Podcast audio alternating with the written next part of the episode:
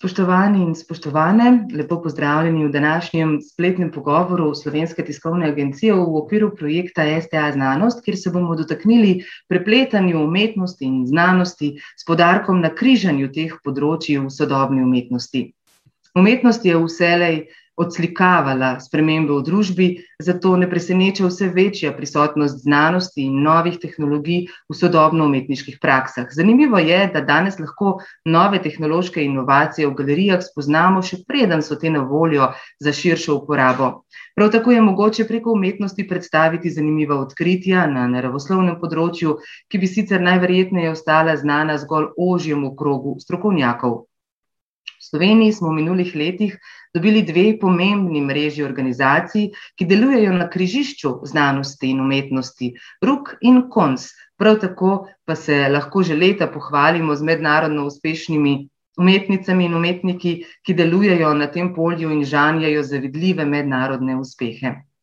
Na današnji okrogli mizi bomo tako spregovorili o prepletu znanosti in umetnosti, tako iz teoretičnega kot praktičnega vidika.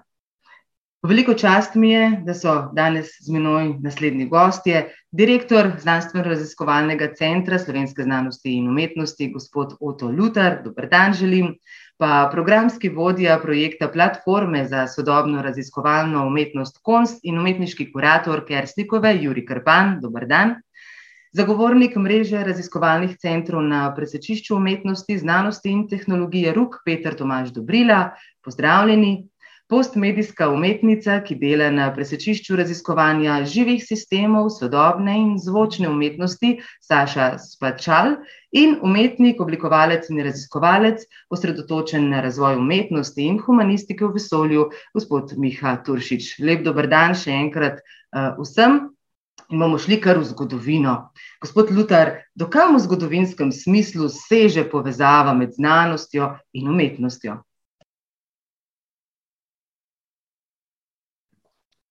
Ja, hvala lepa. Najprej, seveda, hvala za vabilo za, na to srečanje oziroma ta pogovor, ki je izjemno zanimiv. Zdaj, naredili ste precejšno napako, da ste nagovorili za nekaj uvodnih misli klasičnega zgodovinarja, ne? zaradi tega, ker mi smo navajeni, da razmišljamo potem najkasneje tja do neandertalca in ker je pač naš um, arheološki inštitut oziroma kolegice in kolegi tam uh, zakrivo to najdbo, ki zdaj rečemo tako, tako imenovana neandertalčeva ne, um, piščal, ne? moramo hočeč nočeč začeti vsaj tam. Torej, uh, zdi se, ne, če pogledamo skozi ta očala, da je umetnost eden ključnih uh, načinov za človekovo razumevanje, tako njega samega kot sveta okoli njega, ne, uh, In uh, zdaj, če verjamemo vsem tem tehnološkim, in tu smo zopet pri tehnologiji, že takoj, ne, um, razvojnim um, zmožnostim, ne, ki nam zdaj povejo, koliko je ena stvar v resnici stara, um, in tu ni razlogov, da v to ne bi verjeli. Torej, 60 tisoč let, ne, poleg tega, da je prišlo do precejšnjega vznemirjenja ne, na polju arheologije, uh, zdaj ali je neandertalc bil bistrejši, kot smo si do takrat mislili, ne? ali je bil res tako izrazno nesposoben, ali v resnici je bil sposoben, ne? ali je kaj narobe z datacijo, kdaj Homo sapiens pride iz um, nekega drugega prostora v Evropo. Ne? Če to pustimo ob strani, ne? ugotovimo, da se je verjetno tako eni in drugi zelo pogosto izražal s pomočjo tega, kar danes rečemo, nek umetniški izraz, ne? ali skozi slikanje, ali skozi oblikovanje predmetov, ali skozi uh, prepevanje. Ne? In to gotovo, kot kažejo raziskave od, uh, na vseh kontinentih, celo na Grenlandiji, kot ugotavljamo v zadnjih desetletjih. Ne? Um, in vse skupaj to izražanje je potem seveda vplivalo na to, kar nas loči od uh, živali, ne, se pravi sposobnost samoopazovanja in abstraktnega mišljenja, oziroma zopet v drugo smer. Ne, bolj je uh, vsakokratni človek to delal, bolj je to, uh, to uh, pri sebi razvijal. Ne. In potem do naslednjega um, premika, zdaj govorim zelo plastično uh, in uh, grobo strukturirano, torej plakativno. Ne?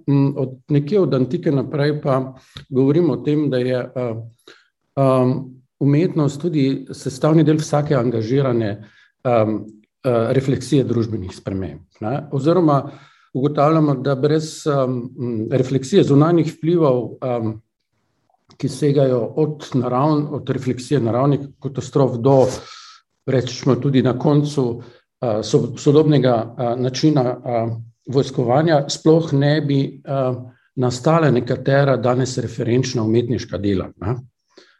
Se pravi, Na enem koncu imamo poslikave v Altamiri, ne, v Španiji, na drugi strani imamo dvojec Protestival, ki zdaj že ne vem, leto in pol dopolnjuje proteste v Ljubljani z nekimi, rečemo temu, umetniškimi refleksijami. Ne. A, torej, a, po eni strani gre seveda za neke refleksije, ki jih zdaj umeščamo v polje tako imenovane visoke umetnosti, umetnosti in tukaj pač mislim na cel spektr, ne, od a, guvernike, ne, pa tja do, ne vem, recimo um, pesnite znanega um, angliškega pesnika Winfreda Ovna, ne, ki je opozoril na to, kako nesmisel, nesmiseln je je ta od antike prevzeti izraz uh, dulce et decorum pro patria mori, ne? ravno nasprotno, nič ni slavnega in svetega pri umiranju, uh, še posebej, če je to povezano z uh, nesmiselnim uh, načinom vojskovanja in poveljevanja. Skratka, um, po drugi strani zopet pri, uh, ko govorimo o neki umetniški refleksiji oziroma tem križišču ne, tehnologije in umetnosti, ne moremo vedno in povsod in samo govoriti o m, traumatskih dogodkih, ampak tudi uh, o nekih drugih uh, momentih, ki so um, vplivali uh, na človekovo življenje. Ne? Če vzamemo na eni strani tar Tarnerja, ne, uh, njegova refleksija, rečemo temu, tehnološkega razvoja, ki ga uh, predstavlja vlak, ne, do teh, uh, pač, tak, za, v, v njegovem času sodobnih, sodobnih ladij. Ne, tukaj gre za eno, eno fascinacijo nad uh, tehnološkim razo, uh, uh, razvojem in seveda uh, vedno znova strahospoštovanje pred naravnimi silami. Ne. Po drugi strani pa, pač kot že prej rečeno, gre za um, refleksije, ki nastajajo zaradi pač vsakokratne uporabe nove tehnologije, in a, potem a, te praviloma traumatični dogodki a, pustijo a, vtis za kasneje a, skozi a, umetniško a, refleksijo. Ne, in to tako v, v širšem svetovnem okviru, kakor tudi v, v čisto slovenskem prostoru, in zdaj bom končal s tem. Eh, dolgoveznim uh, uvodom. Ne, uh, ko sem izbiral primere za slovenski prostor, sem seveda vedno delal tako, kot vsak drugi bi počel arbitrarno, ker je pač ponudba tako široka, da ne gre drugače, kot da pač človek izbira tisto, kar mu je všeč. Ne. Zdaj, jaz v takih uh, uh, umeščanjih ne morem. Um, uh, Kosovelova, eh, Kosovela in njegove fascinacije nad razvojem. Ne? Eh, recimo, če vzamemo njegovo um, pesem um, Kons, ne? tukaj v tem razmerju med zlatom, dušo in gnojem, ne? Eh, na nek način nagovarja neskončnost. Ne? In če, smo, če ostanemo na primorskem delu, se spomnimo pač Črnigoja in Pilona in njihove vsakokratne refleksije vsak, vsakdanjega življenja, v katerem se, če te uh, dvojice dodanem, dodamo še toneta kralja, ne, seveda takoj zrcali tudi občutek pred um, ali zaradi uh, fašizma. Zdaj, uh, ko se pomikamo v, k sedanjosti, ne, um, se ta paleta seveda še močno širi ne, in vse več je teh uh, refleksij, tudi potem. Um, in druga svetovna vojna, kakorkoli obračamo, hočeš nočeš, je zaradi um, interesa za, za izboljšave na tehnološkem, torej na področju oboraževanja, vplivala tudi na razvoj spremljajoče opreme, ne, ki, so, ki je pa potem zelo vplivala na naša življenja tudi po vojni. Tukaj mislim seveda na, na razvoj objektivov, razvoj radijske zveze, opreme za sledenje, od sonarja do radarja in tako naprej. Ne. Um, Pričemer je zdaj po, po mojem, rekel, naivnem razmišljanju, a, mogoče narediti neko osnovno ločnico med tem um, tehnološkim razvojem, ki samo po sebi vpliva na naše življenja, in njegovo umetniško refleksijo narediti v točki, ko umetnost verjetno edina sporoča, kako so te spremembe spremenjali našo refleksijo. Skratka, tukaj ne gre samo za to, kako se jaz lahko hitro premikam od točke B in A, kako lahko vidim daleč v svet, ampak umetnost je tista, ki pove, kaj to pomeni, kaj se z mano zgodi, ko jaz to lahko. Na tej točki bi se ustavil. In eh, če, če zaokroživa najvišče divje babe Neandertalčeve piščali, eh, vam lahko zaupam, da se tam sedaj dogajajo tudi nove eh, tehnološke zamisli in veseli smo tega. Od tam namreč prihajam, zato vem. Hvala lepa za ta uvodni del. Bom pa mogoče prosila v nadaljevanju, da smo jedrnati, da lahko v tej uri zaokrožimo čim več vprašanj. Omenili smo torej, tehnološki razvoj, gospod Krpan. Danes v Sloveniji delujejo številne intermedijske umetnice in umetniki, ki so prepoznavni tudi v svetu. Kdaj so sploh pri nas začeli nastajati ti zametki to vrstnega ustvarjanja? Mogoče nekaj ključnih menikov in projektov, ki so pri nas zaznamovali to področje. Ja, zdravo. Zagotovo se je stvar začela razvijati že tam konec 80-ih, Um, je pa svoj zamah um, začela v, v 90-ih. In um, prvi projekti, ki so nastajali na tem področju, pravzaprav še ni.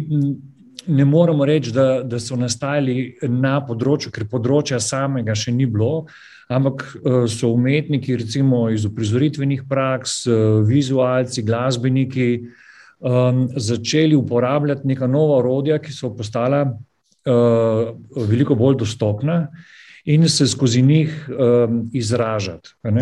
Tako da um, najprej uh, lahko rečemo, da je bilo to najbolj uh, zgodnje obdobje. Um, Um, nekako pripeto na tehno fascinacijo, na ta uh, različna orodja in materijale, ki smo jih kar naenkrat dobili v roke, in uh, to navdušenje nad izraznimi možnostmi, ki so jih ponujali ti uh, novi materijali, in pa tudi uh, uh, ta direktna navezanost teh uh, orodij in materijalov na družbene spremembe, ki so se do, začeli dogajati uh, z uh, temi tehnologijami, ki so vedno bolj prodirale v naš vsak dan, tako uh, v uh, posameznikom, kakor tudi v, družbi, v družbo v celoti. No, potem je ta fascinacija nekako že kar se razvila v neko tehno romantiko, kjer smo se zaljubljeni v te,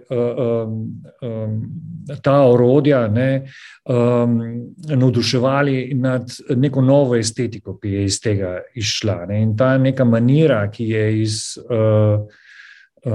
ta minoristični pristop, ki se je takrat oblikoval, um, um, se ga spomnimo kot recimo zvem, umetniški projekti, v katerih je bilo ogromno nekih kablov, nekih odprtih računalnikov, nekih naprav, um, razgaljenih, ker smo bili pač uh, fascinirani nad tem, kako stvari uh, delujejo in kako se te stvari da pravzaprav. Uh, um, spreminjati, hekati, uporabljati za popolnoma druge namene, um, in tako naprej. No, ta tehno-romanticizem se je zelo malo umaknil nekim bolj vsebinskim uh, premislekom, ki um, so pa začeli biti zelo potrebni zaradi tega, ker so se te družbene spremembe radikalizirale. Ne, tako zelo.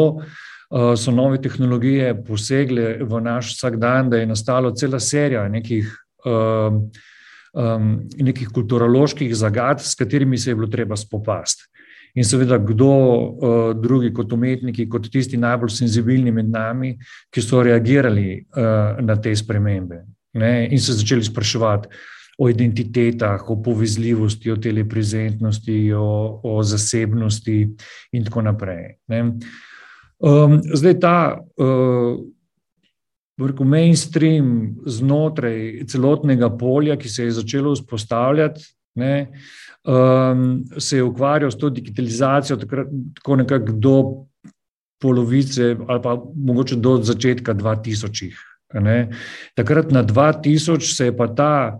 Uh, so se pa vse te tehnologije, ki, so, uh, ki smo jih spregledali kot nekakšen reverse engineering narave, ne, nekak, um, vedno bolj je postalo jasno, da vse, kar držimo v rokah, je nek mimizis tega, kar že je, samo da se je to spremenilo v neko sofisticirano orodje, s katerim je mogoče delati, se vojskovati, pa tudi, pa tudi ustvarjati. Ne, tudi moramo vedeti, da v tem nekem kulturnem smislu so te visoke tehnologije imele še kar.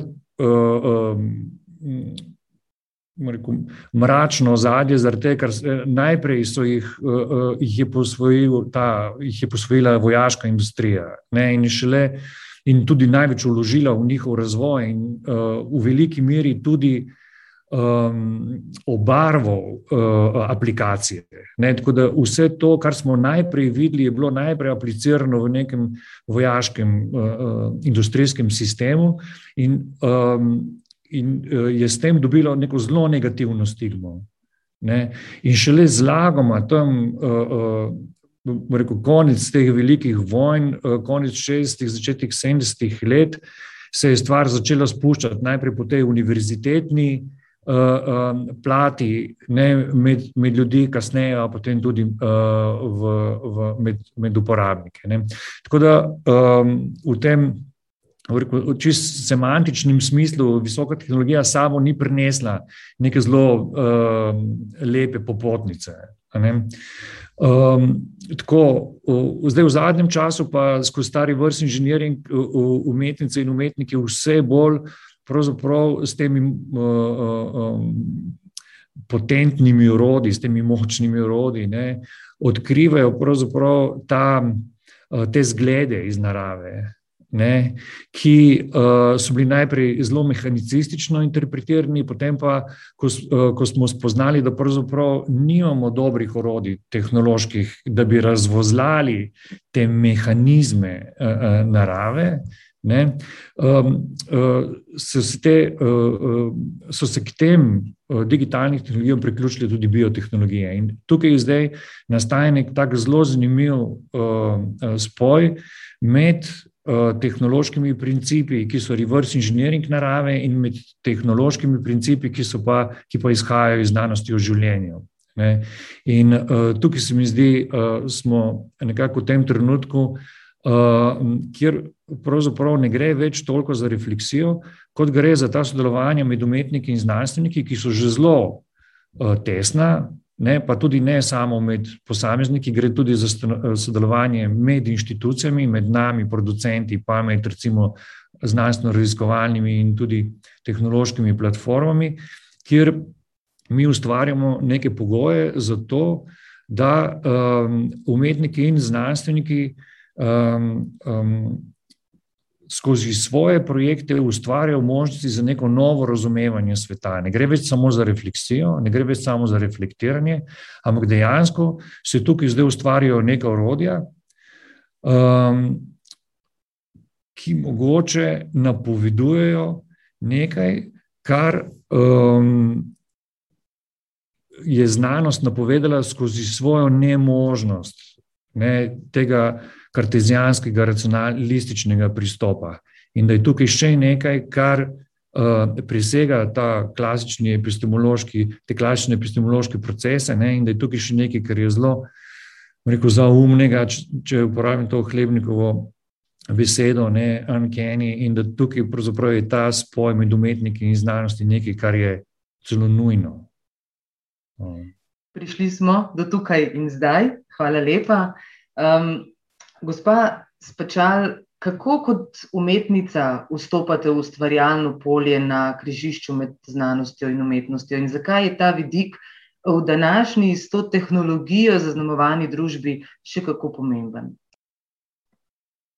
Ja, umetniki smo nekako poklicani v to polje, um, da pogledamo ta znanstvena dejstva, ki so sproducirana uh, strani znanosti, in tudi tehnologijo, ki je sproducirana strani določenih industrij. To bo recimo pri znanstvenih dejstvih, recimo znanstvena dejstva o uh, okoljski problematiki, ali pa pri tehnologiji, recimo umetna inteligenca, ki je zdaj tak vroč termin. Tako da.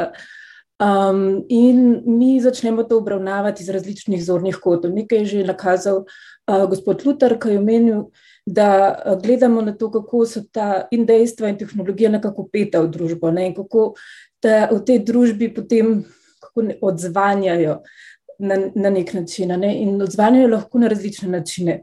Prvo, mi lahko pogledamo, kako so sploh sproducirana in to kritično ocenimo, za koga so sproducirana, ker vsako. Uh, dejstvo, kot tudi vsako tehnologijo, je neka politika notrograjena in ta politika je vedno neka politika moči. Torej, za koga je to narejeno in komu bo služilo in komu ne bo služilo, je nekaj, kar mi pogledamo. Um, tako da vsako, ker pa nismo samo pač raziskovalci, ampak tudi uh, potem to. Nekako ukodiramo v predmete, ki jih sproduciramo, oziroma v prakse ali neke zgodbe, koncepte, uh, um, ponudimo potem svoje komentarje, uh, rešitve. To pa je recimo tudi uh, gospod Karpan omenil, da uh, probamo nekako pomagati v dobro celotne družbe, da bi se razvilo to mogoče bolj, na bolj vključujoči način. Hvala lepa. Enako vprašanje v bistvu za gospoda Turšiča. Vi ste osredotočeni na razvoj umetnosti in humanistike v vesolju. Ta današnji vidik tega stika, kaj vam pomeni in zakaj je vam pomemben? Um, mislim, kot prvo, um, umetnost in znanost nista nekaj uh, abstraktnega, ne? ampak so predvsem sklop nekih inštitucij, politik, um, kultur, uh, ljudi, predvsem, um, ki pa so se. Uh, še posebej, pač, ko opazujemo v kontekstu vesolja, uh, zelo um, strogo uh, razmejila med enim poljem in drugim poljem. Skratka, v 20. stoletju opazujemo te trdnave umetnosti in znanosti, uh, ki se uh, nekako oblikujeta skozi razliko eno od druge. Uh, Medtem ko neka realnost, uh, recimo okolje, družba, um, pa jih, jih težko v celoti upišeš zgolj skozi oči umetnosti, zgolj skozi oči znanosti. Um, in tukaj v bistvu je potem šibkost in ene in druge. Ne? In zato v tem uh, uh, v zadnjem času, recimo v zadnjih desetletjih, uh, skozi sodelovanje umetnosti in znanosti in tudi drugih, uh, poskušamo te fenomene opazovati skupaj. Um, in ta skupaj je dosti krat uh, recimo interdisciplinarno, skratka to, kar je v, v preseku, transdisciplinarno, to, kar vsebuje in eno in drugo, uh, multidisciplinarno, kjer se še marsikaj zraven poveže uh, v umetnost in znanost. Um, hkrati pa pri, pridemo do tega, da sodelujemo rekel, z prebivalci, skratka z lajčnimi ljudmi, uh, sodelujemo z um, organizmi.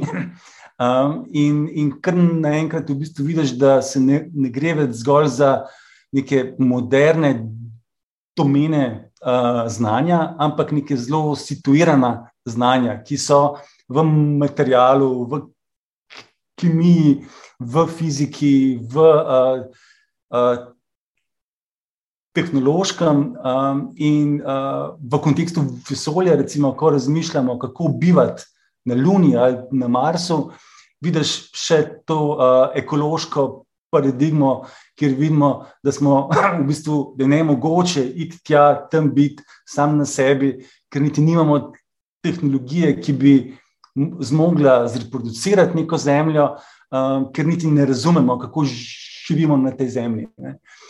In tukaj v bistvu se zgodi cel ta uh, ljub povratek, um, da zares ne vemo, kaj je dost.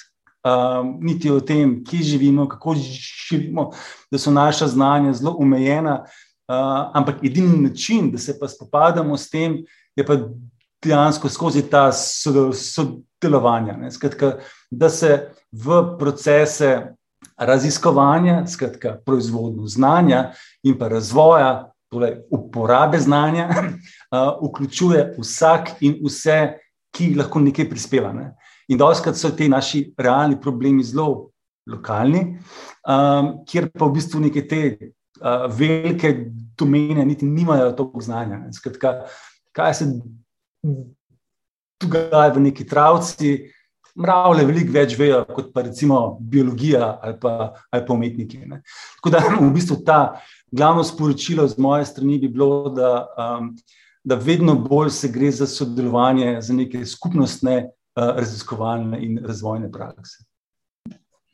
Hvala lepa. Ostajamo pri sodelovanju. Od leta 2019 v Sloveniji deluje ta mreža raziskovalnih centrov na presečišču umetnosti, znanosti in tehnologije RUK in platforma za sodobno raziskovalno umetnost KONS, ki pa se razlikujeta v dojemanju povezave med znanostjo, umetnostno in tehnologijo. In danes sta z nami predstavnika obeh mrež.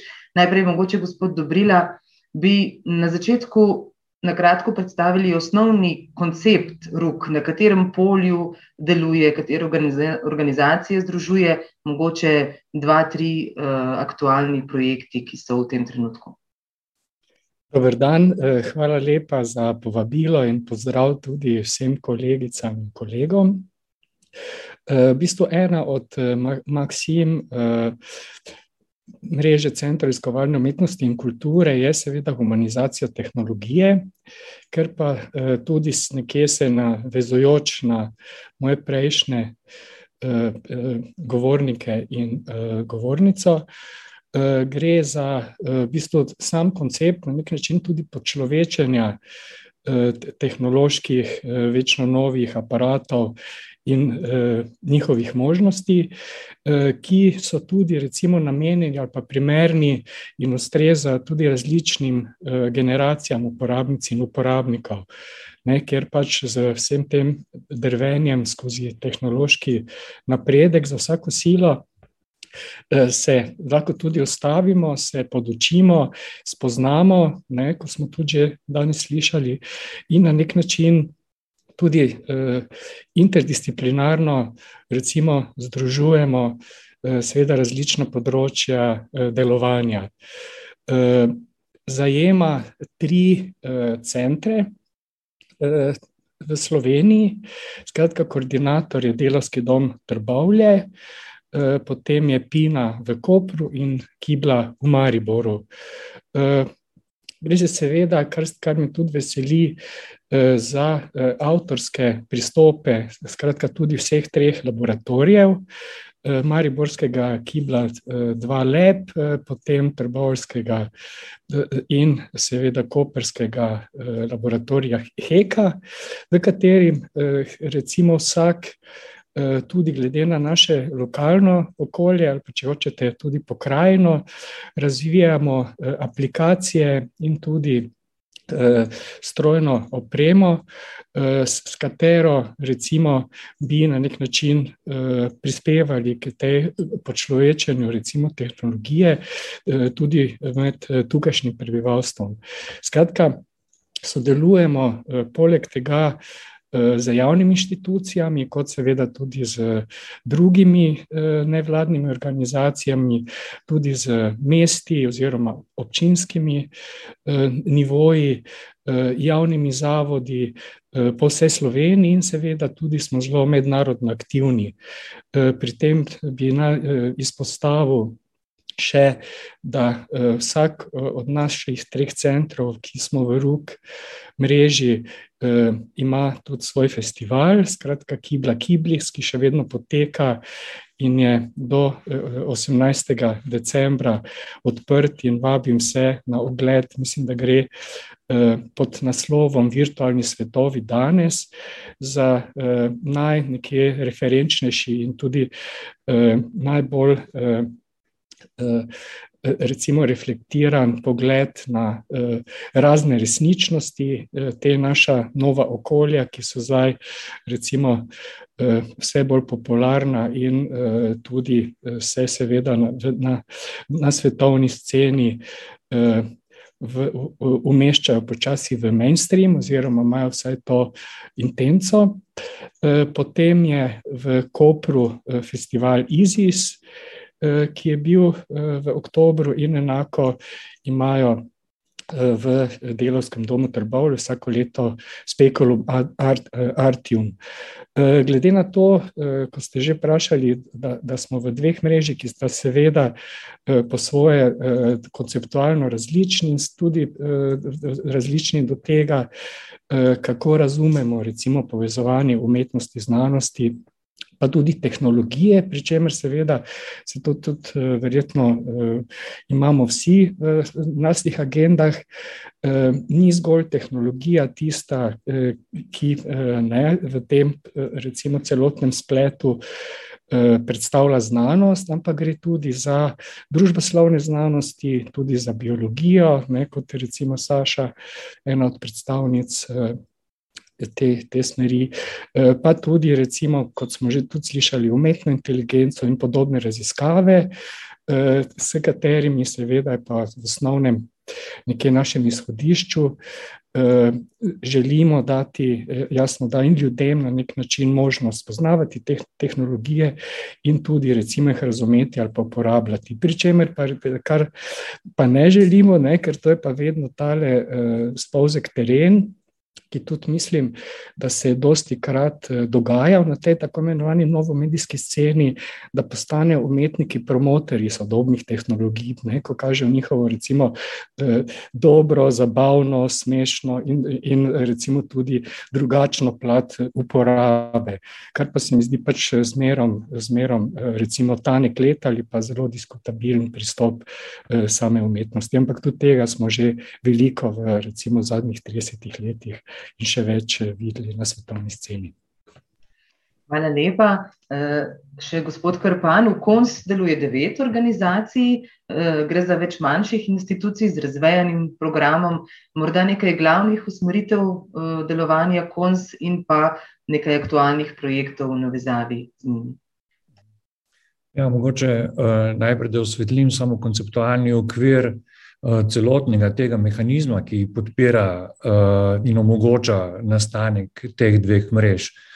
To, namreč, eh, to so sredstva iz Evropske kohezijske politike, ki so po domačem rečemo strukturna sredstva. Ne, namenjena so velikim strukturnim projektom, ki naj bi nekako dvigali vse prejemnike na neko drugo raven, strukturno dvigali na drugo raven. Uh, Um, celoten operativni program, ki opredeljuje uh, smiselnost porabe teh sredstev, je namenjen dvigu inovativnosti Evrop, evropskih, uh, Evrope kot take v primerjavi s Kitajsko in Ameriko. In uh, tukaj gre za zelo velika sredstva. Ne? Mislim, da jih je Slovenija dobila skoraj 3 milijarde, ne? pri tem, da uh, um, um, je en majhen del odpadel tudi na projekte na področju kulture. In eden od uh, projektov je ta mreža, uh, mreža centrov. Um, Zaradi tega, ker smo um, že v, no, zdaj že več kot 25 letih obstoja, uh, tako kot ste sami rekli, ne, skozi umetnost veliko krat že napovedovali, uh, kako se bo družba razvijala um, skozi uporabo visokih tehnologij, smo, uh, to, uh, smo pripričani, da lahko vso to vednost, vse te izkušnje dejansko lahko prilijemo v procese inovacij, ki naj bi postale bolj etične, bolj varne, bolj krožne. Skratka, ki naj bi vodile v neko drugačno prihodnost, kot jo uh, živimo danes, uh, predvsem kar se tiče uh, porušenega ekološk, ekološkega sistema, um, politično um, se stvari ne peljejo v pravo smer, uh, ekonomsko uh, se tudi um, sistem sesuva. Tako da um, vidimo, da, da um, je to globalno vprašanje, pri čemer Evropa. Uh, drži zastavo zelo visoko. Mislim, da smo skozi zadnje evropske politike videli, ne, da, da, je, da je nekaj, kar je še pred kratkim bilo razumljeno kot težava pri tej globalni tekmi, postalo prednost Evrope in to je ta evropski način življenja. Se pravi, da ne gre za neke mrljive stvari, ne gre za kopičenje uh, uh, denarja in resursov, ampak gre dejansko za nekaj, um, kar meri na kvaliteto življenja in k tej kvaliteti življenja mislimo, da lahko prispevamo. Da bi to mi znotraj tega projekta lahko dosegli, kot umetniki, seveda, in uh, nevladne organizacije, ki producirajo umetniške projekte, smo ustvarili nek konzorcij devetih partnerjev po celi Sloveniji. Tukaj so štirje partnerji v Ljubljani, eden je v Novi Gorici, v Velenju, Novem mestu in Mariboru. Ta mreža je sprejela neko metodologijo, neko strategijo, kako se bo lotila tega problema. Mi smo v vseh teh mestih najprej vzpostavili nek program, skozi katerega razvijamo uh, zmogljivosti. Ker gre za nekaj, kar uh, ni uh, razporejeno po celi državi enako, ne, tudi vemo, da sam ta mehanizem je ločen na vzhod, pa zahod, se pravi na vzhodno kohezijsko regijo, pa na zahodno kohezijsko regijo, pri čemer se podpira uh, razvoj na vzhodu s tem, da gre 60% sredstev tja. No, in uh, zato, da bi mi nekako uh, dvignili raven uh, um, te naše zavesti o sodobnih raziskovalnih praksah, um, smo vzpostavili najprej prvi izobraževalni uh, um, uh, nivo, ne, to je ta razvoj zmogljivosti. In tukaj uh, izvajamo različne uh, delavnice. Ehm, za katere se trudimo, da jih ehm, izvajamo po celotni eh, vertikali, pravi od vrca, osnovne šole, srednje šole in potem tudi eh, zainteresirane, zainteresirane javnosti. Um, približno 400 delavnic bomo izvedli v teh treh letih, tako da um, računamo, da bomo skozi to proizvedli neko zelo zanimivo kritično maso, uh, s katero bomo lahko potem sodelovali, bodi si, da je to naše občinstvo, ki je bolj ozaveščeno glede uh, ciljev, ki jih razvijamo, ne? bodi si, da gre za naše.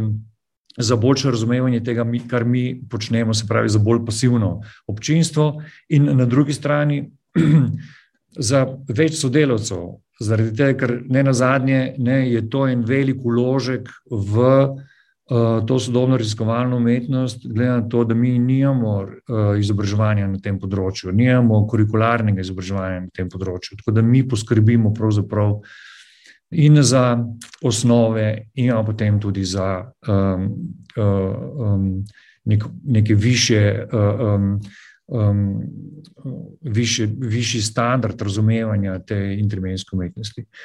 Druga raven od teh treh nadstropij, o katerih bom govoril, je vzpostavljanje uh, producentskih platform, skozi katere mi omogočamo umetnicam in umetnikom, da lahko uh, boljše ustvarjajo svoje umetniška dela. To so tematski laboratoriji, zaenkrat imamo vzpostavljene tri. To je eh, laboratorij za umetno življenje, ki ga imamo pri nas na Kersnikovi, v Ljubljani, potem je laboratorij za procesiranje signalov in eh, opazovanje iz razdalje, to je zavod projekta Tolni in Ljudmila, in za, laboratorij za robotiko, ki nastaja v, v Mariboru. Eh, seveda je tukaj teh nastavkov še več, ampak eh, to se ne da narediti kar s pritiskom na gumb, ne eh, k temu stremimo skozi, ta, skozi to izobraževanje v prvi ravni, a potem tudi aktivacijo umetnikov, znanstvenikov in inženirjev, ki delujejo znotraj teh tematskih laboratorijev, da seveda širijo to svoje vplivno področje. Znotraj teh uh, laboratorijev uh, je nastalo par zelo zanimivih umetniških del. Prav v tem trenutku uh, postavljamo v, uh, uh, um, v Bruslju na razstavi uh, Starc, kjer so predstavljeni nagrajenci um, natečaja START, to je Evropski mehanizem Science Technology Arts, ki vsako leto podeli nekaj nagrad umetnicam in umetnikom, iz katerih, se je mogoče, iz katerih umetniških del se je mogoče inspirirati za eventualne inovacije. No, nas niso povabili tja kot nagrajence, ampak so nas postavili v fokus z štirimi umetniškimi projekti. To je projekt od Zorana Srdiča, Biobot, kjer dejansko skozi umetniški projekt ustvarjajo tak organel možganov na čipu, se pravi, gre za nevronske, za nevrone nagojenje na čipu in ti nevroni premikajo enega majhnega robotka, se pravi, gre za neki bionični projekt z zelo veliko poetike v tem, zaradi tega, ker seveda mi nismo znanstveniki, inženirji, ampak predvsem umetniki in nas navdihuje ta vznik teh nekih novih vrst, za katere v teh nekih spekulativnih scenarijih, nekih imaginarnih svetovih obstaja, obstaja prostor. Potem je tukaj še projekt, ki tematizira uporabo umetne inteligence v vojaški industriji od Marka Pelha in Matthewa Bidermana. Ta projekt ni nastal v produkciji KONS, je pa nastal delno produkciji KONS projekt od Špele Petrič, ki je razvija, ki razvija celo serijo ali pa mogoče celoten opus projektov, ki se ukvarjajo z interkognicijo med ljudmi in med rastlinami, med rastlinami in med mašinami z uporabo umetne inteligence in tako naprej. No, v glavnem, ne bi razlagal preveč umetnikom, da se vrnem na sam koncept platforme KONS. Tukaj je še ta tretja raven, ki pa meri direktno na izhodišče, in sicer povezovanje kreativcev z industrijo in pa z inovacijami nasploh, ni nujno z industrijo, lahko so te inovacije družbene inovacije. Tukaj skrbimo za to, da bi ta sporočila iz umetniških projektov, ki jih dobimo, ne, na neki način prevedli v proces inovacij, zato smo razvili neki koncept laboratorija za izzive in neki profil človeka, ki, za katerega mislimo, da je lahko en zanimiva dopolnitev umetniškega ustvarjanja, ki mu rečemo katalizator inovacij, ki je človek, ki razume jezik umetnikov, jezik znanstvenikov, jezik inženirjev in nenazadnje tudi jezik nekega realnega sektorja in zna skozi to, skozi umetniški način razmišljanja sodelovati v procesih inovacije, ne tako, da bi seveda ponujal rešitve, ampak s tem, da omogoča neko drugačno razmišljanje o, o reševanjih problema, se tudi pri spraševanju, ali rešujemo prave probleme nasploh, ne, in s tem pomagati, da inovacija, ki naj bi od tam prišla, bodisi da gre za produktno ali pa za družbeno, da ima vse to, za kar si prizadevamo, skratka, da vodi k neki boljši prihodnosti. To odgovornost smo si naprtili na hrbet, ni lahka in se z njo spopadamo skozi ta projekt, za katerega mislim, da je, da nam zelo dobro uspeva. Hvala lepa. Dajemo v nadaljevanju besedo prav umetnikom. Gospod Turšič, prepoznani ste kot soustanovitelj kulturnega središča evropskih vesoljskih tehnologij Ksevt, skupaj z Draganom Živadinovim in Dunijo Zupančič pa med drugim razvijate koncept kulturalizacije vesolja. Med drugim pod ta koncept sodi izstrelitev umetniškega satelita, na katero še vedno čakate. Na kateri točki mogoče je trenutno ta projekt, zakaj se zamika, ali v tem trenutku tudi tvegamo, da nas bo kdo prehitel? ja, hvala za, za to vprašanje. odgovoril bi ga dvoplastno. najprej proces kulturalizacije vesolja se nadaljuje, seveda izven Slovenije, predvsem skozi evropski prostor, največ skozi platformo Start, katero je Jurij že omenil. v preteklih letih, skratka predvsem v letih dva tisoč devetnajst in dvajset, uh, smo uspeli povezati Evropsko vesoljsko agencijo z Starts platformo in skozi to nekako uspeli uh, umestiti ukvarjanje z vesoljem, skratka raziskave in inovacije uh, tudi v, v, uh, v Starts inicijativo. Um, posledice tega so bili že, recimo, uh, konkretno uh, letošnji starci razpisi, uh, ki uh, uh, kličejo tudi po rešitvah uh, na tem področju. Seveda, rezultati bodo znani naslednje leto. Uh, drugo, v sodelovanju med Evropsko komisijo oziroma starcem in ESO smo pred leti organizirali eno od umetniških rezidenc, eh, ki se je ukvarjala z vprašanjem živega v vesolju, oziroma kdo gre v vesolje in kaj to pomeni, eh, ker, si, ker je pač to zelo politično vprašanje, seveda. Ne, ne samo kater, kater narod, eh, tudi kakšne telesa, kjer spol ampak tudi kateri organizmi so tisti, ki naj bi naseljevali vesolje. Umetnik se je v tem kontekstu uh, ukvarjal uh, z uh, možnostjo bakterij, ki bi prebivali na Marsu oziroma na Luni. Zato, ker so že prilagojeni za bivanje tam. Skratka, za, za človeka v vesolju je potrebno veliko naporov, medtem ko določene bakterije bi lahko tam živele same v sebi, praktično.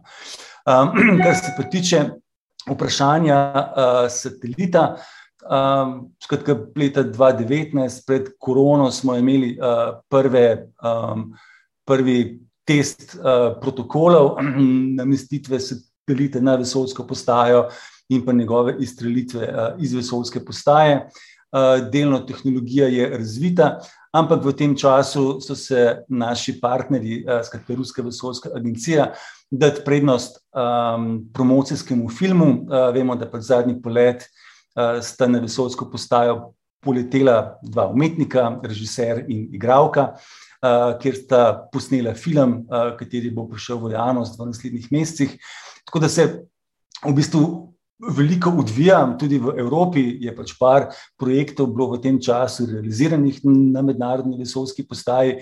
Um, mi pa pač, kom rekel, ker, je, ker so to vrstni projekti zelo odvisni od uh, ne zgolj. Rečemo temu uh, umetniške blaznosti, ampak od celotnega rečemo, okolja, uh, delno tudi države, seveda, uh, v kateri umetniki delujejo. Uh, vemo, da pač uh, o čem takem v tem trenutku govoriti uh, pač ne moramo, uh, tako da čakamo pač na prvo priložnost, ko uh, bo to možno. Uh, mi smo pa več ali manj pripravljeni, uh, da se satelit izvede.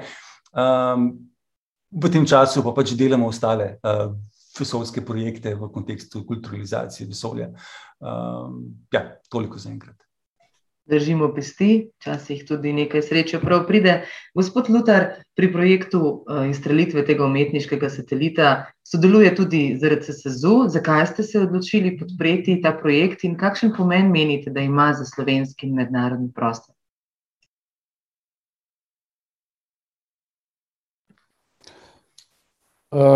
Projekt podpiramo zaradi tega, ker že nekaj desetletij verjamemo, da gre, kot je Miha povedal, za križišče dveh dejavnosti. Ne? Znanost in umetnost sta povezani bolj, kot to lahko vidimo na prvi pogled. Um, čisto pragmatično pa je do tega sodelovanja prišlo zaradi tega, ker uh, so kolegi iz uh, Rusije želeli, um, da se to tudi formalno ukviri. Um, tako da smo sklenili eh, sporazum uh, z uh, Akademijskim inštitutom Ruskim uh, za zgodovino znanosti in za RCM in s tem omogočili nekatere projekte. Tako da to je pa pragmatična plat. Hvala lepa. Um, gospa Spačal, vi ste ena od sodobnih intermedijskih umetnic, katerih dela so bila predstavljena tudi na številnih mednarodnih prizoriščih, trenutno je v tobačni na ogled. Uh, projekt Mikomitologije. Bi mogoče na kratko lahko predstavili ta vaš najaktualnejši projekt, če se ne motim? Uh -huh. um, Prvo bi omenila, da mikomitologije so spet uh, plot um, serije sodelovanj in tako z mrežo KONS in kot uh, z mrežo RUK, uh, z Amsterdamskim fondom, Amsterdamskim fondom za kulturo in tudi z Univerzo v Amsterdamu. Tako da to, kar je recimo uh, Miha prej omenil, sodelovanja so nujna za, uh, za naše raziskovanje in tudi za naše financiranje konc koncev. Torej, mikometologije so tudi raziskava, ki je bila tako um, nominirana za Starc nagrado in raziskujejo um, dejansko v prvi fazi lastnosti uh, gliv in um, kaj nas lahko te lastnosti naučijo. To ne tako naivno, samo um, pač kako, kaj pri njih deluje, ampak mogoče kako lahko mi to prevedemo in v svoje mitologije, neke zgodbe, prakse in v naše tehnologije. Ker, uh, kot je bilo že omenjeno na neki točki, zelo veliko uh, tehnoloških inovacij ali pa uh, sprememb se zdaj dogaja po principu biomimikrije. Uh, tako da, um, kaj se dogaja, recimo, kot ena osnovnih lastnosti te, te um, te postavitve je, da se, da se nam identificiralo, da so gobe v, um, dejansko v okolju neka vrsta biološka infrastruktura, ki omogoča preživetje ne samo sebe, ampak celotnih gozdov, uh, bakterij, zelo velikega dela ekosistema. In potem sem v razmisleku ki je vključeval dejstvo, da dejansko planet zdaj kontroliramo z računalniškimi tehnologijami v obliki nekih računalniških stekov, in v, ki so praviloma narejeni za to, da se določene resurse oziroma stvari pobirajo iz okolja in izrabljajo, sem v, to, v ta uh, stek ugradila neko drugo logiko, logiko tega, kako bi mi lahko naredili infrastrukture, ki bi uh, pomagali drugim uh, živim bitjem. V tem primeru sem darovala dele svojega telesa, uh, mikrobiom, svoje krvi, um, solz in potu. Ki hrani potem glivo, ki raste v takem uh, računalniškem steku. Ne. In nekako celoten uh, premislek je pravzaprav v tem, kako bi lahko mi svo, uh, svoje tehnologije um, sprogramirali v smer, da bi bile infrastrukture tudi za druge, ne samo za človeško vrsto. Um, mogoče samo vprašanje, oziroma pod vprašanje, kar za vas, zakaj menite, da je v intermedijski umetnosti pri nas v Sloveniji toliko uh, žensk? a ne ob vas še Robertina Šebjanič, Maja Smrekar, Špela Petrič.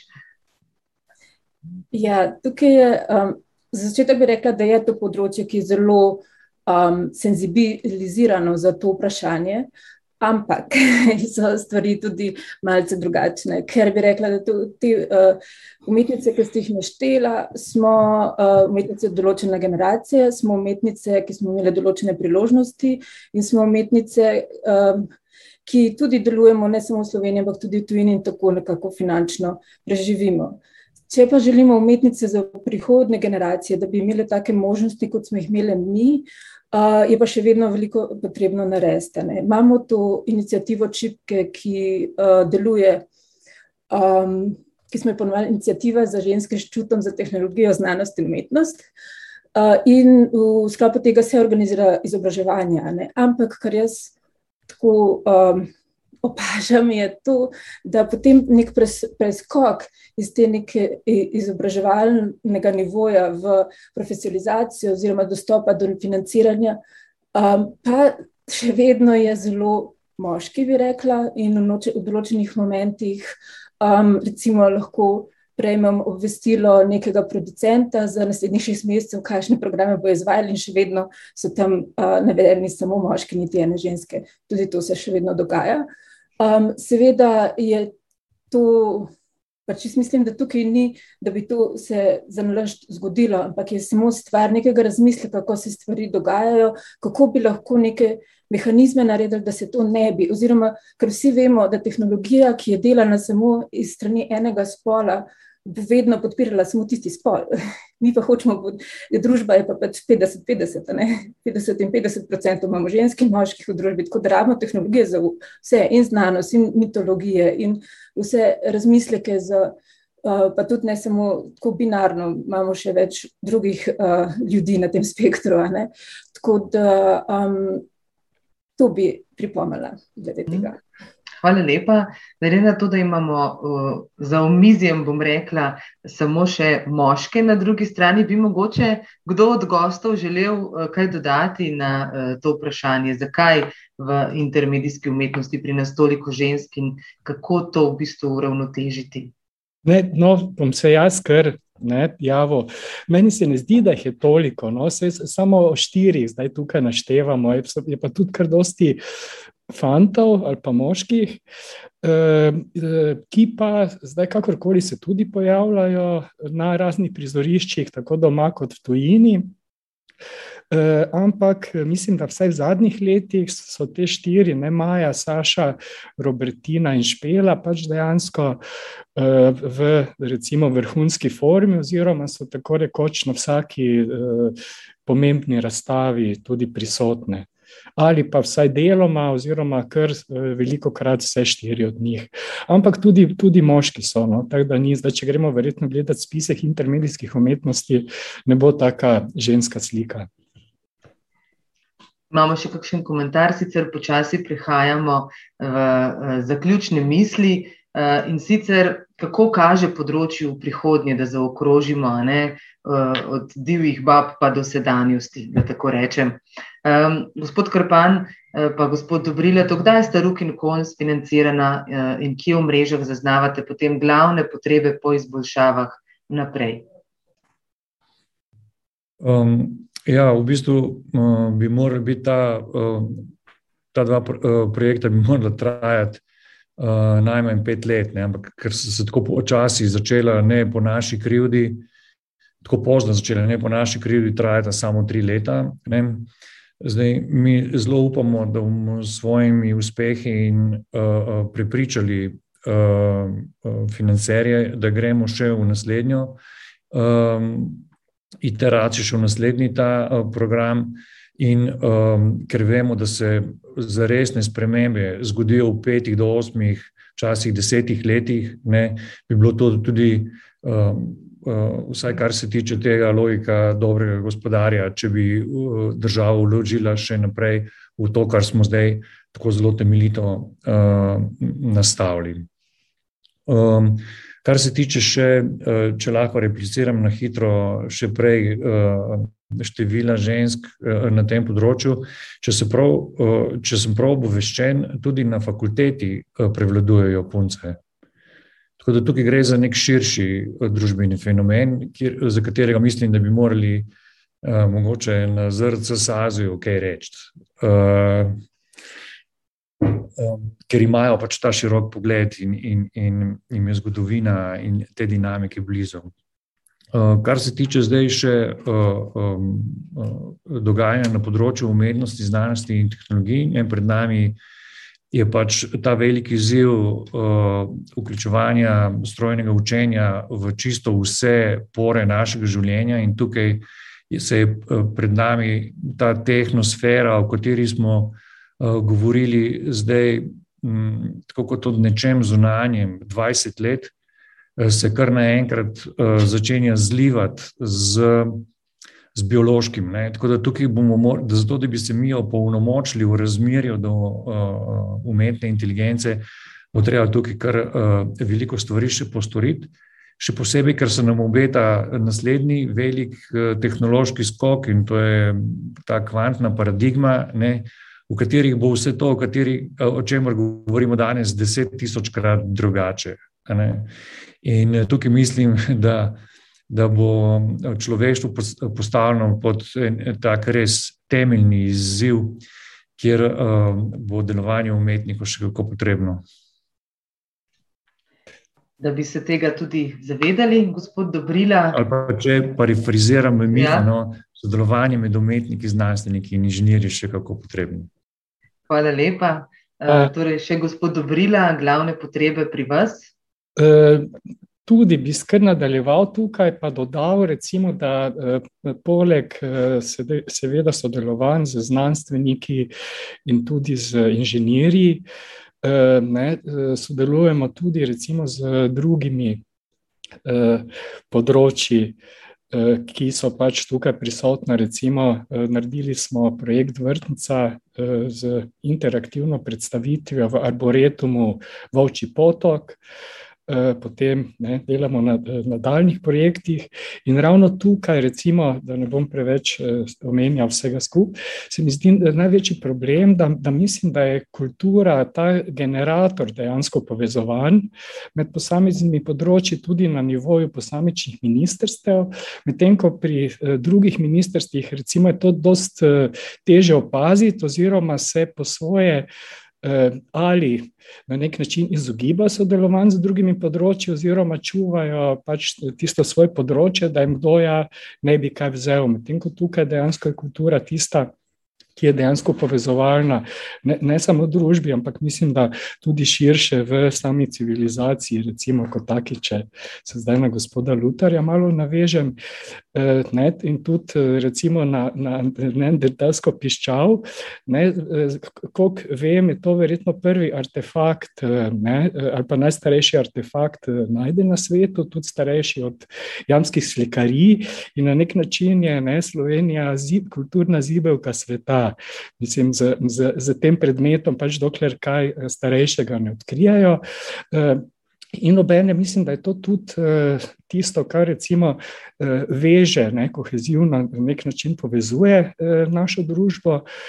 In zato je tudi, mislim, da potrebno z vsemi kapacitetami, zlasti mislim človeškimi, pa tudi seveda dru, drugimi, najti te eh, trenutke ali pa momente ali pa projekte povezljivosti, ki tudi ne bodo, recimo, na nek način, tako kot je kultura eh, znotraj, recimo, ostalih sektorjev ali pa celotnih proračunov, eh, ne samo države, ampak tudi Evrope oziroma kohezijne, Jurje omenil pač dva, dva projekta vsak nekje vreden po 10 milijonov, pomeni 20 milijonov, ampak ne, če gledamo, pa ok, so še eni drugi, kot je Frankfurt in tako dalje, ampak tu, če gledamo nekje 50 milijonov, je to proti 3 milijardam kohezijskih sredstev eh, zelo malo. Ehm, zato tudi, ne, glede na to, da sprejemamo prihodno finančno perspektivo, seveda eh, se pridružujem eh, tudi pobudi, da nadaljujemo z eh, projektom Aruk in Kons, kot tudi seveda z Centrom za kreativnost in še dodamo kakšne nove projekte. Eh, hkrati pa, ne, ko ste rekli, dokdaj do eh, bi naj eh, to trajalo, načeloma po prvotnih pogodbah do konca 2022, ampak seveda zaradi pandemije se bo ta projekta podaljšujeta do konca leta 2023. Na nek način pa bi si tudi želeli, Ne, glede na to, da imamo mi eh, kar obilo izkušenj, ne samo pri projektih, ampak tudi mednarodnih sodelovanjih, da bi tudi na eh, drugi strani, skratka v državi, eh, ljudje, ki skrbijo za to vrstne programe oziroma projekte podpiranja ne, različnih družbenih segmentov oziroma delovanj, tudi recimo bili bolj opolnomočeni oziroma tudi uslišali tiste naše naše eh, ali želje, ali pripombe, ali komentarje, ki so zgolj dobro namerni in bi lahko eh, eh, na nek način skupno izboljšali delovanje ne samo recimo naših dveh projektov, ampak mislim, da celotne države in seveda financiranje iz evropskih oziroma mednarodnih skladov. Hvala lepa. Potrkajmo še na vrata Sezuja, gospod Lutar. Um, Kaj pa pri vas, bi si morda v prihodnje želeli več povezav z umetniki v smislu konkretnih, recimo, projektov, kakršna je izstrelitev umetniškega satelita, pa kakšne možnosti sploh imate za to? Vsekakor mm, v zadnjih letih prihaja do tega sodelovanja vse pogosteje in praviloma onkraj okvirjev, ki so formalizirani. Mm, to me niti ne moti. Uh, tako da uh, za zdaj iščemo priložnosti, ko um, nagovorimo neko specifično področje ne, in se potem razgledamo nad um, kolegicami in kolegi na drugem področju. Uh, ali pa se, uh, če smo še posebej uh, veseli, uh, ljudje z področja umetnosti obračajo na nas. Um, zdaj, zopet je tako žal, da um, se v širšem evropskem prostoru ali pa zahodnjaškem prostoru ali pa prostoru, ki je zahodno orientiran, tukaj vključujem tudi Izrael, ne, uh, dogaja že desetletja, vsaj dve desetletji, ne, ko se pač znanost in umetnost že v štartu v nekem osnovnem nagovoru nekega, rečemo temu, izziva povežeta. Ne. Tukaj zopet hočeš nočeš vodijo Izraelci, ne, ki povezujejo vse veje umetnosti in na drugi strani vsa področja tehnoloč, tehnološka. Zdaj, če nismo pretirano omejeni s časom, bi samo nagovoril še vprašanje, um, uh, feminizacije, uh, očitno tudi zdaj nekega um, uh, področja umetnosti. Zdaj, jaz um, imam že to možnost, da se lahko ozrem nekaj desetletij nazaj uh, skozi neki razvoj in ugotavljam, uh, da podobno kot na umetnosti se dogaja tudi v znanosti. Ko sem jaz prišel v to ustanovo, je bilo 30 odstotkov žensk, zdaj je obratno, zdaj je malo več kot 30 odstotkov moških. Ne? Zdaj eni pravijo, da prihaja do feminizacije zaradi tega, ker na tem področju ni denarja. Mi ugotavljamo, da do feminizacije nekaterih področjih raziskovalnih prihaja zaradi tega, ker moški niso sposobni več tega pritiska zdržati. Ne? Torej, um, sposobnost za preživetje na področju kompetitivne znanosti je pri ženskah očitno večja kot pri moških, in to ni zdaj čisto iz uh, prsta scuzeno, ampak dejansko dejstvo, ne, ki ga spremljamo že nekaj časa, in se bojimo situacije, ki je bila pred 30 leti v obratni smeri, ne, ko smo pač uh, omogočali kolegicam vstop v to področje. Hvala lepa. Eh, zdaj pa še pogledajmo k umetnikom. Kaj si, gospa Spečal, želite vi eh, kot ustvarjalka eh, tega področja? Katera, katere možnosti imamo še odprte in bi jih želeli kot umetnica, da so nagovorjene čim prej? Ja, um, seveda, kot Vsako bitje si želi malo več stabilnosti, ne, ker smo v izredno prekernem položaju uh, iz projekta v projekt. Um, uh, veliko več možnosti izobraževanja in sodelovanja, enostavno tako, in da bi bile te um, podprte strukturno, ne da jih moramo vsa, vsakeč znova sami vzpostavljati uh, umetniki, ampak da nekako bi lahko, se mislim, da se pač stvari se razvijajo v tej smeri, samo pač je še uh, pot do tega, da bi lahko potem veliko lažje uh, do tega prišlo. Recimo, eno od takih kot primer lahko dam um, biološki uh, inštitut v Berlinu, kjer so dejansko odprli v inštitutu eno mesto za umetnika, ki se lahko kadarkoli prideti. Ja. V bistvu so imeli so pet mest, ki so bili namenjeni za uh, gostujoče profesorje, in zdaj, če se prijavi umetnik, dobi isto mesto in plačilo za tisti čas, ko pride raziskovati, in dostop do um, strokovnjakov, do opreme in vse skupaj. Tako da take neke uh, procese, uh, take. Strukturne situacije, to bi si želela, pa seveda uh, za naslednje generacije, čim več možnosti primer dobre prakse. Smo leta 2021, mogoče bomo čez nekaj let odgovorili, ali se je zgodil tudi v Sloveniji. Mogoče za zaključek še gospod Turšič, kje so možnosti? Um, v bistvu meni bi bilo najbolj pomembno to, da bi imeli malo več družbe znanja, uh, ker potem bi se z vsemi. Uh, manjšimi in pa večjimi problemi lahko naša družba veliko lažje soočala, uh, tako pa v bistvu vse, kar leti proti nam, uh, je zgolj nek konflikt, uh, ker imamo pač preveč upravka z nemočnimi, uh, z šibkimi, uh, mislim, z šibkostjo v, v družbi, in uh, ljudje so pač preveč v, v, v stiskah. In te stiske se preveč izkoriščajo. Um, če pa bi imeli družbo znanja, uh, takega in drugačnega, skratka, znanja iz znanosti, iz umetnosti uh, ali pa zelo uh, konkretnih, uh, zelo življenjskih situacij. Uh, mislim, da bi uh, kot posamezniki in kot skupnosti, in kot družba, in kot organizacije in inštitucije veliko lažje funkcionirali. Um, tako da, ja, družba znanja. In če mi dovolite, najlepša hvala za vse te besede. Bi zaključila tam, kjer smo začeli eh, in sicer tam nekje en mali zaselek, ki se imenuje Reka na Crkljanskem, kjer so odkrili Neandertalčevo piščal, je postala, ne to najdišče arheološko, tudi prva digitalizirana jama v Sloveniji. Tako da mogoče bi od tam veljalo povleči kakšno smernico k tej družbi znanja, kateri uh, je Miha Turšič pozval in si jo zaželel ob koncu današnjega spletnega pogovora. Spoštovana in spoštovani, hvala lepa. Hvala tudi vsem, ki ste nas uživo spremljali, preko 250 vas je bilo.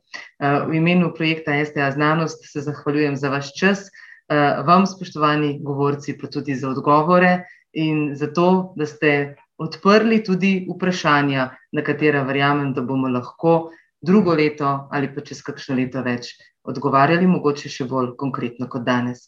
Hvala, obilo ustvarjalnega uh, navdiha, predvsem pa obilo energije v teh zelo zanimivih časih. Vam želim srečno.